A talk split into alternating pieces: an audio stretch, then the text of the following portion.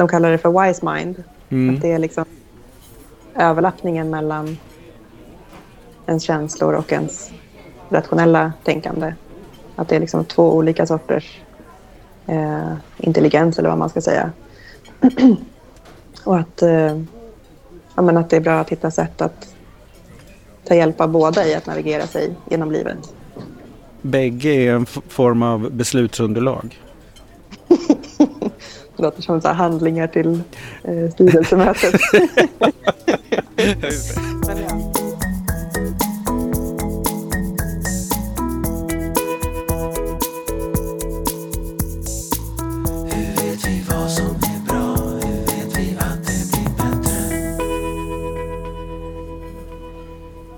Kafferast i Kunskapsfabriken. Hej Nicole Wolfer. Hej Mårten. Välkommen tillbaks till Kafferast i Kunskapsfabriken. Tack så mycket. Nu har jag redan glömt bort hur länge sedan det var du var med, men det är väl tre, fyra år sedan va? Ja, fyra i alla fall tror jag. Ja, just det. Mm. Den här gången har vi bjudit in dig igen till podden för du har skrivit en bok. Mm, mm. precis. Den kom ut nu i november förra året, 2021. Precis. Och förra gången du var med i podden då pratade du rätt mycket om meditation och det här att hålla ordning på tankar i ett NPF-huvud. Eller vad man ska mm. säga. Och nu har du skrivit en bok om känslor. Mm. Så att man kan ju tänka att det där hänger, korrelerar på något sätt. Mm, ja, det bildar någon sorts, eh, närmar sig någon helhet i alla fall. Vad var det som ledde fram till att du gjorde den här boken? För det, jag menar, att sätta igång och skriva en tjock bok om känslor är ju inget man liksom bara kommer på från en dag till en annan. Eh, hur, hur såg den processen ut? Um, ja, men det mm, kan man börja i hur tidigt som helst tänkte jag säga. Men eh, för mer än tio år sedan så började jag jobba inom Attention och började hålla samtalsgrupper för unga med NPF tillsammans med min kollega Johan Bysell. Eh, så under tio år så, så träffade vi unga i grupp och pratade om vad de ville prata om. Så de fick sätta teman och liksom bestämma innehållet för våra samtal. Och vad vi såg var att mycket av, av de temana handlade om känslor, kommunikation, relationer. Hur förhåller man sig till dem i världen? Eh, så eh, det ledde fram till att vi bestämde oss för att söka om projektmedel från Arvsfonden för att kunna jobba lite djupare kring det här. Eh, och fick ett projekt i början av 2018 som heter Stöd i vardagen. Så där jobbade vi med tre olika spår kan man säga. Dels att samla in strategier och tips på hur man eh, med NPF får vardagen att funka. Så allt från liksom, hur kommer man upp på morgonen, hur sköter man sin ekonomi, hur fattar man beslut eh, och allt sånt. Ett spår handlade just om det här med känslor. Eh, och där tog vi också fram en... Eh, vi har försökt skapa material på lite olika, i lite olika medium kring det här temat. Så att vi har tagit fram en hemsida med korta animerade filmer om olika aspekter av att förstå, hantera och kommunicera sina känslor. Eh, och här är boken liksom en del i det spåret för de som eh, är intresserade av och vill och gillar att läsa och eh, vill fördjupa sig lite mer i det här. Eh, och sen hade vi också ett spår kring bemötande. Eh, så även där har vi tagit fram animerade filmer och också eh, skrivit en annan bok som heter Perspektiv som gör skillnad som kommer ut nu i februari. Aha, handlar det om då bemötande, hur man så att säga bemöter varandra? Bemötande riktat mot yrkesverksamma, alltså hur, okay. Eh, mm. hur, hur, mycket med på samtal. Ja, just det. Hur man mm. som professionell eh, bemöter ungdomar som behöver stöd. Ja, personer med NPF mm. egentligen. Ja, just eh, det. Man, meningsfulla samtal. Men då låter det lite som att den här boken som du nu har, har gjort blev också frukten av att du insåg att ni behöver en kunskapsplattform för det här som ni vill erbjuda de här ungdomarna som ni har haft i grupperna, det som de har efterfrågat. Ja, och egentligen alla med NPF tänkte jag nästan säga. Inte alla, men jag tror att känslor är ett område för personer med NPF som påverkar livskvaliteten väldigt mycket. Eh, men som det kommer mer och mer fokus på det nu de senaste åren tycker jag att jag ser också i behandlingsformer och så. Men, men det har liksom inte varit det som, som är huvudfokus kring NPF.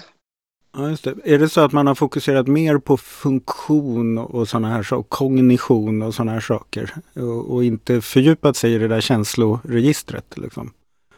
Ja, mycket tycker jag handlar om liksom hur, um, hur får man ja, men vardagen att funka med att organisera, planera, komma ihåg sånt som också kan vara kämpigt och liksom ställa till det väldigt mycket om man lever med NPF.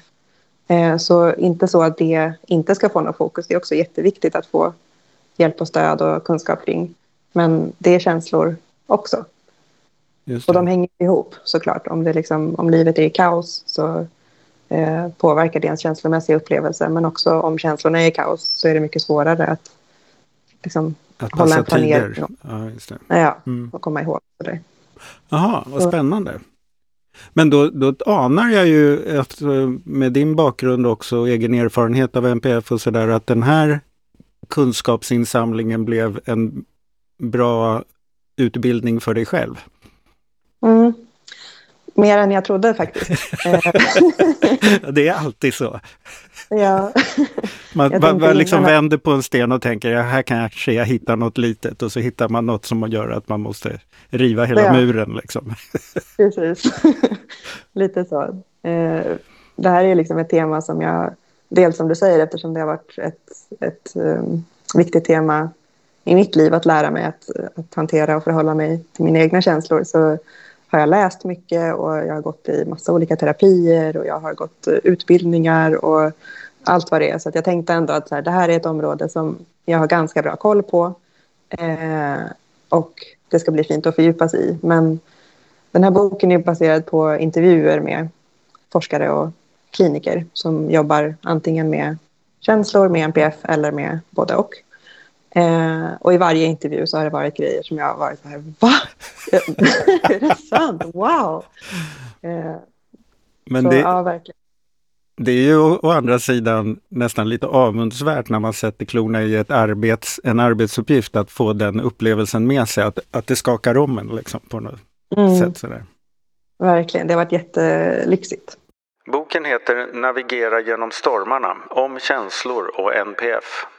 Den beskriver vad känslor är och hur de kan påverka en och de olika experterna som Nicole intervjuat reflekterar till exempel kring hur man kan förstå och hantera olika känslor.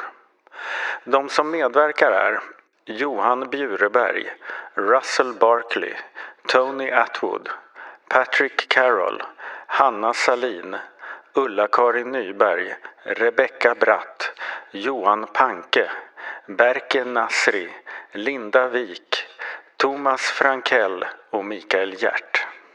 Vad skulle du säga är den största insikten? Eller eh, hur har det förändrat dig mest? Eller?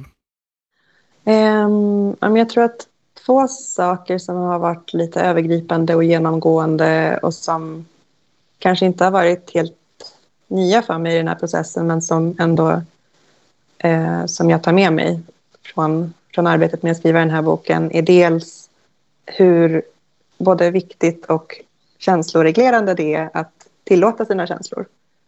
Eh, till skillnad från att liksom försöka låta bli att känna något som kanske är obehagligt eller så. Eh, och det är ju verkligen lätt att säga och inte alltid så lätt att göra. Men, eh, men det har blivit tydligt hur, hur liksom både effektivt det är och eh, ja, hur värt det är att hitta sätt att, mm. att träna på. Eh, och att träna på är just den, den andra saken som, som jag verkligen tar med mig. Att, att det handlar mycket om liksom vad man har för, för färdigheter i relation till hur ens känslomässiga system eller temperament eller så eh, fungerar i relation till ens omgivning. Mm. Eh, och att det är så lätt att liksom försöka... Han, alltså när det, när det inte funkar och när det går åt skogen, att, att då försöka lösa det i stunden. Eh, och hur mm. hjälpsamt det kan vara att istället öva när man inte är där, där det inte funkar, utan att öva i liksom lite tryggare situationer på nivåer som man mäktar med för att liksom bygga upp den där styrkan eller förmågan eller vad man nu vill kalla det. Är det något av de särskilda, eh, de olika eh, känsloområdena eller kapitlerna som, som sen har stuckit ut för din egen del? Mm.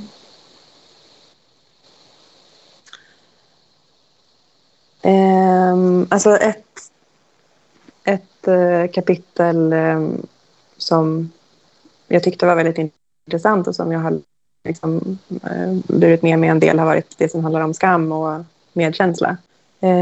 Och det är en sån känsla som, som ofta är både väldigt liksom, ja, men, eh, svår eller stark eller liksom lite knepig att förhålla mm. sig till och dyker upp i stort och litet i, eh, i livet och i vardagen. Ja, just det. För den är ju liksom, den vänder sig ju mot en själv. Det är ju inte bara känslor om, om andra saker utan det är ju känslor kring min bild av mig själv. Mm. Precis. Man är ju väldigt eh. partisk i den känslan. på ett opraktiskt sätt. Ja, det kan man verkligen kalla det. Ehm, och en sak som, som jag lärde mig i den intervjun som jag tyckte var så spännande är hur stor skillnad det gör, inte bara vad vi säger till oss själva i vår inre dialog, eh, utan också vilken ton vi använder i, vår, liksom, i vårt inre prat. Som om vi liksom kommenterar på oss själva eller eh, tycker saker om någonting vi gjorde eller hur vi är. Att det inte bara handlar om att, att liksom säga trevliga saker utan att det också gör väldigt stor skillnad om vi gör det med en liksom varm och kärleksfull röst eh, eller inte. Just det. Det kan ju bli knepigt för då måste man ju fundera på vad som är ens varma och trevliga röst. Det är inte säkert att man har tränat på den alls. Nej, mm. exakt. Just det. Så det blir ett litet utforskningsarbete. Blev det det för dig också? Ja, lite grann kanske. Men jag tänker att det, att det handlar mycket om att liksom börja lägga märke till... Eh, vi har nog alla liksom mer och mindre av de här olika rösterna men även om man har hela spektrat att bara lägga märke till vilken röst är det som pratar nu eller mest eller sådär. Eh, och hur kan man få tillgång till de här olika, olika tonerna. Just det. Så det var ett eh, sånt kapitel. Och eh, ett annat har varit det som handlar om att kommunicera sina känslor. Eh, och då särskilt att kommunicera sina känslor om man lever med NPF. Där känsloupplevelserna kan skilja sig en del från hur en, en person utan NPF kanske skulle reagera i en viss situation. Ehm, mm. Det är ju individuellt för, för alla oavsett allt. Liksom. Men, mm. um, men um, en poäng som kom upp i den intervjun var att, att det är ganska vanligt för personer med NPF att liksom underdriva sina känslor eller sina upplevelser. När, uh, när man vill dela dem med andra? Ja, att man liksom ofta har fått lära sig eller vänja sig vid att Eh, att ens känslor på något sätt är, är orimliga så att man har lärt sig att man får uttrycka dem som att de är mycket mindre än vad de är. Eh, mm. Vilket ju också gör det... Då blir man ju bemött och förstådd utifrån det man säger och inte det man känner. Så om man, om man har lärt sig att säga att, att så här, ja, men det är lite jobbigt nu eller Eh, jo, men det, det är ganska mycket. Fast upplevelsen kanske inte alls är på den liksom milda nivån utan det kanske är så här, jag går sönder och jag drunknar. Eh, så ja, det där kan ställa till det. Ja, verkligen. Det, det förstår jag. Eh, det är en oerhört intressant insikt. Vad, mm. vad det där med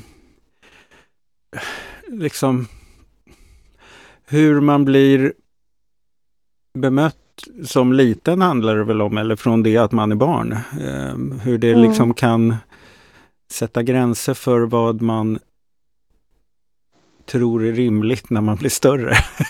Mm, ja. visst. Mm. Så fint att bara lägga märke till liksom hur, hur beskriver man det man upplever. Och, och det är inte så att man har någon skyldighet att alltid ut, alltså, säga exakt det som känns. Men om, om intentionen är att dela just det som känns eh, har man liksom rätt intensitet i det Mm. eller inte? Kafferast i Kunskapsfabriken. Förra gången du var med i podden så pratade vi mycket om det här med meditation och få, få tankar att lugna ner sig eller vad man ska säga. Mm. Är det egentligen någon skillnad på känslor och tankar eller är de liksom bara olika sidor av samma sak? Eller, för jag tänker att dels kan man ju tänka saker som gör att man förändrar sina känslor men ofta sh- tänker man ju saker beroende på att man har känt något. Mm. Har du, nå- har du grottat i, funderat på det där någonting utifrån det du har tagit upp i boken? Mm, det har jag. Förstås, ja. ja. På vilket sätt då? Ja, men dels så... ehm, ett, ett sätt att liksom beskriva känslor är att, att de består av tre delar.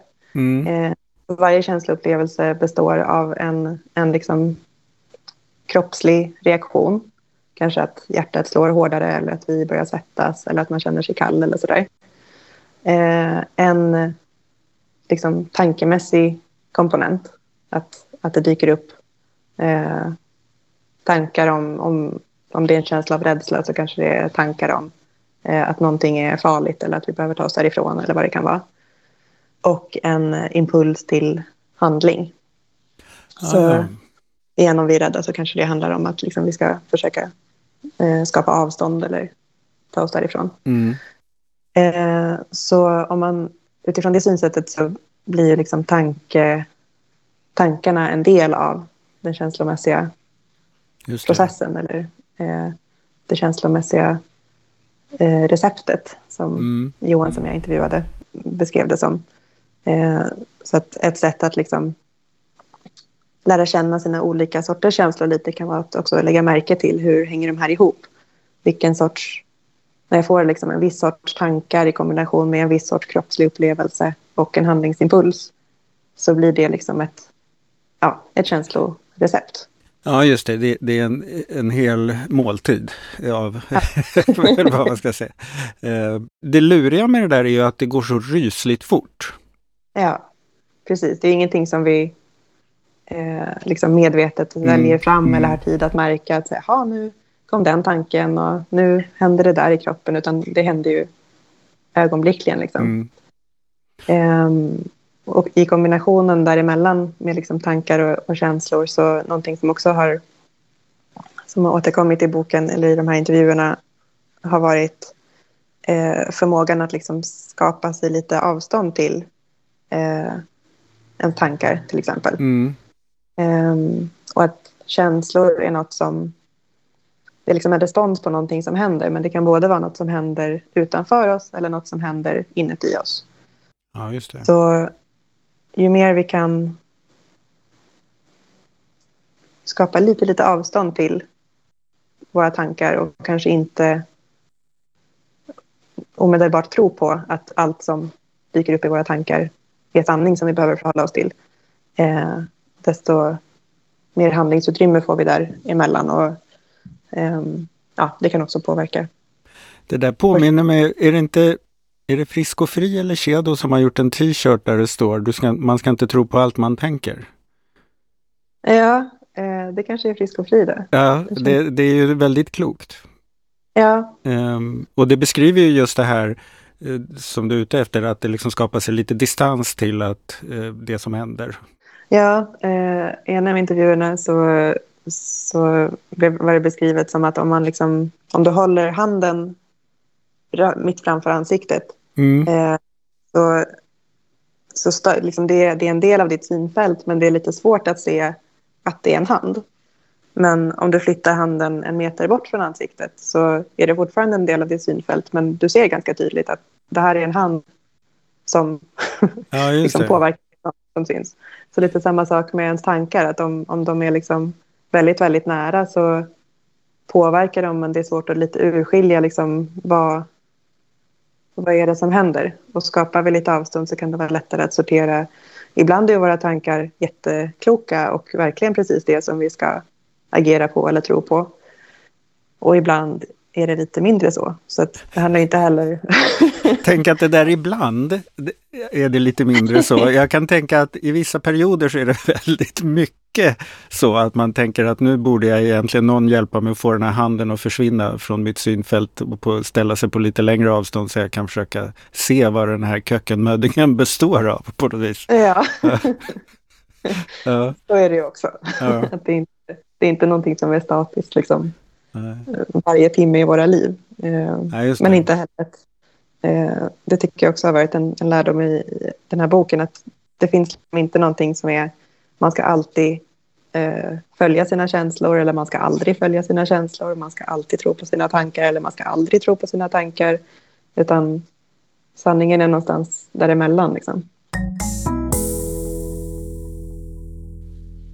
Jag tycker inte om att, att prata om liksom att det är positiva och negativa känslor men, men vissa känslor är onekligen mer eller mindre behagliga i alla fall. Mm. Um, men även de som inte är så behagliga. Alltså, känslor är det som ger livet eh, djup och färg och liksom ja, gör det så rikt på något sätt. Så att, och där blir det också att ju mer man ju mer man tar avstånd. Det, det är svårt att liksom kunna välja att bara ta avstånd från det som är mer obehagligt och att ändå få vara väldigt nära och i det som är behagligt. Ska mm. liksom, ju, ju längre ifrån man kommer, desto längre ifrån kommer man allt. Just det.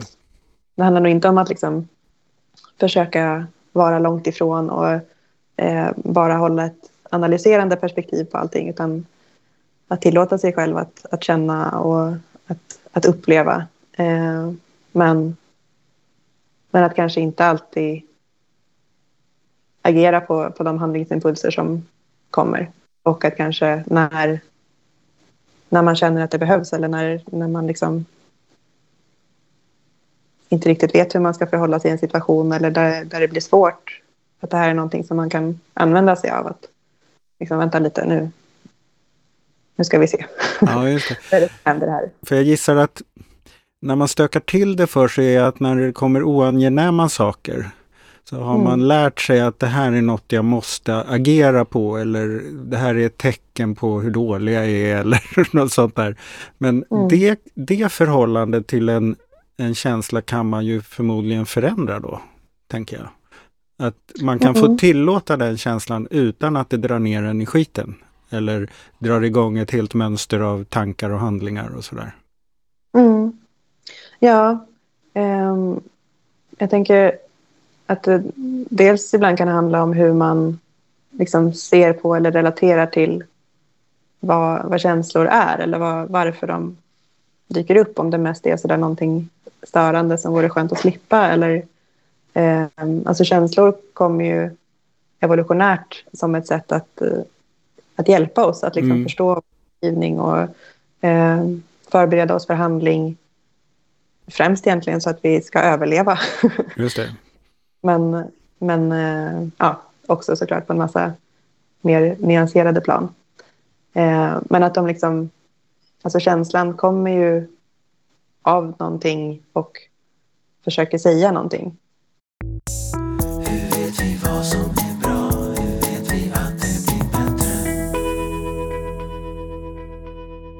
Utifrån det här du nu har gjort i projektet och boken, vad skulle du vilja lära dig mer om? Eller jag gissar att det är en del saker som du fortfarande inte har gått till botten med när det gäller känslor och tankar och sånt. Mm. Ja, gud. Eh, var ska jag börja, tänkte jag säga. Nej, men det, som, det, det känner du säkert också igen, att liksom, ju mer man fördjupar sig i någonting, desto mer ser man liksom spåren som leder vidare därifrån. Så att det känns mm. som att man ska kunna välja liksom ett enda spår av, utifrån något av de här kapitlerna. Och, eh, djup, liksom, djupdyka i det säkert resten av livet. Mm. Är det något du är Eh. mer sugen på? Eh, alltså, jag tycker att det är spännande att liksom, med sådana här teman som är så abstrakta på något sätt. Eller liksom, de är sånt som om det funkar för en är väldigt svårt att förklara hur man gör. Alltså om, om man aldrig, om man bara förstår vad man känner och man, har liksom, man inte medvetet behöver reglera sina känslor utan det där systemet gör det lite åt en och det funkar av sig själv. Så är det jättesvårt att säga till någon annan så här, gör så här, så här, så här. Mm. Eh, och sånt tycker jag är intressant att liksom förstå mer. Så här, men hur gör man det? Eller liksom... Hur är det när det funkar? Vad är, vad är det som funkar när det funkar på något sätt? ja, och lite liksom om det inte funkar, hur, hur närmar man sig det och hur kan man öva på det och sådär. Mm. Ehm, så... Ja, men både det här som vi har varit inne lite på med att liksom skapa, skapa lite utrymme eh, och eh, alltså acceptans är någon sorts evig, kanske Mm. livslång övning. Eh, det, är det är ju lätt att ha acceptans och tillåta sina känslor när när de är behagliga eller när de kommer passande i tid eller sådär. eh, och eh, mycket, mycket svårare. Jag tycker också att det är lättare att ha acceptans för sina känslor om det är så här, jag precis eh, kanske liksom läst om det eller liksom pratat med någon om det så att jag känner mig lite motiverad och så kommer det en känsla för första eller någon reaktion för första gången. Okej, jag ska ha acceptans. Men när den kommer tillbaka liksom 380 gången så Mm. är det inte lika lätt. För mig också handlar en del om att, att inte... Eh, alltså, det, det blir lätt att jag använder acceptans som ett verktyg för att nå någonstans. Att så här, Ja, om jag accepterar så får jag, då, blir, liksom, då slipper jag det här. Ja, just det. Då blir, det- får jag en annan en belöning på något sätt. Ja, just det. Det är ju inte att jag liksom så här accepterar att nu är det så här, utan att jag är mer så här, ja, ja, okej, det är så här, försvinn nu. Ja, det, just det, det handlar mer om att övervinna då, eller? Ja, just det. Mm. Precis. Mm. Så att öva på att mer skifta mot... Eh, eh, för mig tror jag att det ofta handlar om att hitta någonting mjukare. Att liksom inte försöka pusha någonting och inte att försöka liksom kontrollera någonting. Utan att Just det. hitta sätt att mjukna. Ibland till och med liksom i kroppen men, men också i, liksom, Mm. ja, i, i min ansats.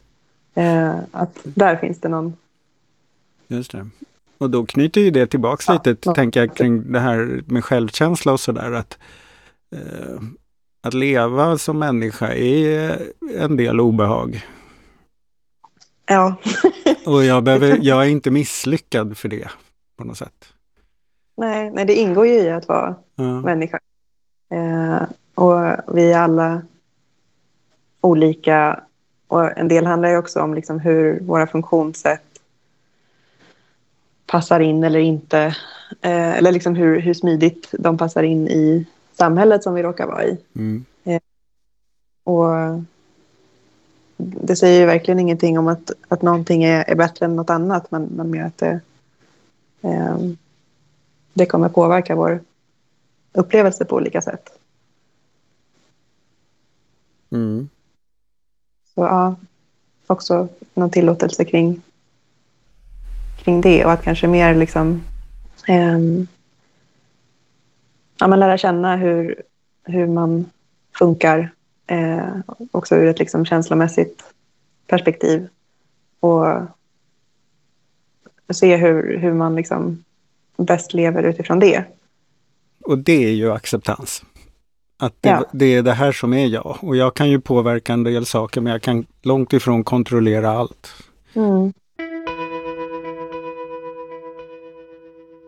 Vill du säga någonting om, eh, om eh, liksom din, din resa med känslor?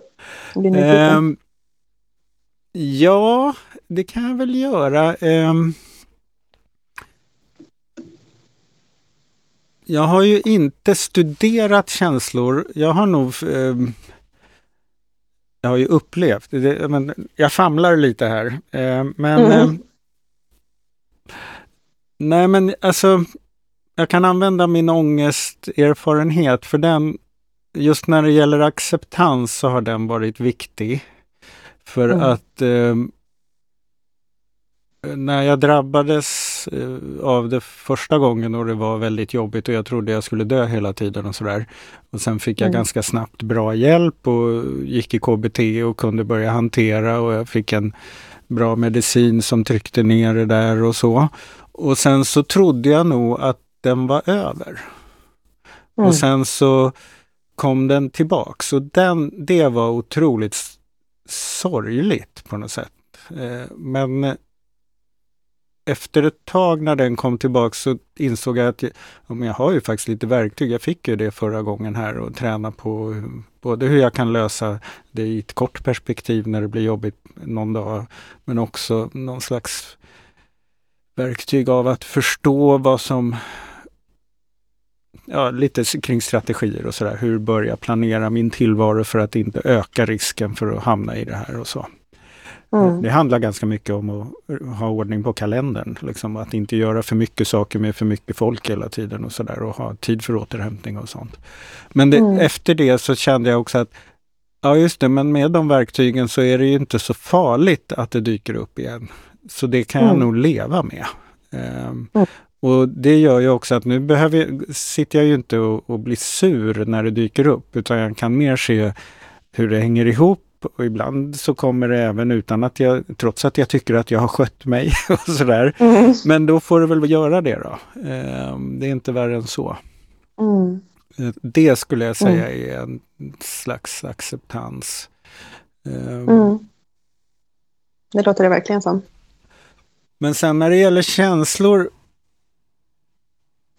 om man tänker sig hur jag känner inför massa andra saker i tillvaron, som sånt där som vad framgång är eller vad misslyckande är eller vad skam är och sånt där. där en del, rätt mycket av det där tycker jag rundar av sig med att man blir äldre. Det är en fördel med att bli äldre. Um, men det kanske också rundar av sig för att man har fått många fler upplevelser av olika saker. Det finns ett utbud av upplevelser här som jag har varit med om. Och det, det, det, har, det hjälper ju till, men är man 17 Mm. För det har ju jag också varit. Och då är, ju det, då är man ju helt ockuperad ofta av det som är ens grundkänsla för stunden eh, på ett annat sätt. Och det är ju helt logiskt för man har inte varit med om så mycket. Och det blir ju mycket knepigare då om man har ett funktionssätt som gör att känslorna blir extremt starka eller sådär. Eller eh, att man, de ställer till det för en och sådär. Mm. Så det, det är ju på sätt och vis mycket bättre att vara gammal. eh, för man har fått med, man har hunnit passera så mycket. Ja, mm. ja det, det tror jag också. Eller det känner jag igen mig i. Ja. Eh. Då är det ju märkligt att man också är så nojig över att bli äldre. Det borde man ju verkligen inte bli. Ja, ja. nej det, det finns nog något jätte... Eller det är inte som att liksom allting bara löser sig med tid men, men jag tror verkligen också att det finns något eh, i det. Mm. Och kanske också att, att eh, ja, men har man varit igenom en viss sorts upplevelse eh, några gånger så, så har man också... Jag kommer att tänka på liksom, eh, upplevelsen av att så här, allting, allting är katastrof, inget kommer någonsin bli bra, mm. allt är kört. Eh, som det ju i alla fall i mitt liv kan kännas som ibland. Eh, men den där kan också ganska snabbt släppa. Men i den så känns det ju som att det här är den enda sanningen som finns. Mm. Eh, och i början och första gången jag kände så, så trodde jag ju att det var... Alltså då trodde jag ju verkligen på det. Ja, just det. Eh, men ju fler gånger jag har varit igenom att det kan kännas så och liksom någon dag senare så, så kan det kännas helt annorlunda. Mm. Eh, desto lättare blir det också att genomskåda den när den dyker upp. Att så här, just, det. just det, nu känns det så här. Och så här har det känts förut. Och det blev inte som det kändes. Nej. Sådana erfarenheter tror jag kommer inte nödvändigtvis med liksom hur många år man är. Men, Nej, precis. men i tid och erfarenhet av att Mm. ha levt med någonting. Nej, men nästan skulle man ju kunna säga då att det, det är lite bra att få sådana här eh, avigheter i den psykiska hälsan som panikångest och, och väldigt starka känslor. Om man får hjälp att använda dem till någon slags utveckling och förståelse Mm. av vad de är. Så Mm. kanske man på många sätt blir bättre rustad än de som inte har sådana utmaningar. Det tvingar ju en på något sätt Mm. att eh, behöva lära sig saker eller liksom Mm. eh, kanske också möta sidor av sig själv som man inte skulle ha mött annars och sådär. Just det. Eh, så ja, om man helt hade fått välja så... det hade man nog sluppit det, men eh, ja. Men om man väl måste... Om det nu är så att det är en del av livet så är det nog en, Mm, också en effekt av det. just det. Mm. Därmed, som sagt, inte sagt att lite psykisk ohälsa mår alla bra av. NSPHs nya slogan. Vi får fila lite mer. Jag får ta upp den med styrelsen först innan, innan, vi, slå, det. innan vi sätter ner foten. Med det. Ja. Ja. Men, men eh, jag måste få tacka för att så här mycket intervjuad har jag aldrig blivit i vår podd som den här Nå. gången. Det var, det var Ja. trevligt. Ja. Och eh, som sagt, och jag får med mig ett nytt sloganförslag också eh, till NSBOs framtida opinionsbildning. Ja. Ja. Men eh, är det något jag har glömt att fråga om, Nicole? Ehm, Om det är det så får du ju komma tillbaka och göra en tredje intervju någon gång också. ja, men då säger jag inget nu. Nej, Eh, så har vi det som en öppen inbjudan. Mm. ja. Eh, nej, jag tror inte det. Eh, det. Jag tänker på liksom vart man hittar boken och så. Men, men det, Det, det löser vi med länkar och så. länkar. Ja. Ja, det är lättare. Den finns där böcker finns kan man väl säga. Där böcker finns. Mm. Ja, precis. Stort tack för att du ville vara med igen. ja, tack så mycket för att jag fick vara med. Vi hörs. Det gör vi. Hej, hej. Den här podden görs av NSPH, Nationell samverkan för psykisk hälsa. Läs mer på vår hemsida www.nsph.se eller följ oss på Facebook. Kafferast i Kunskapsfabriken.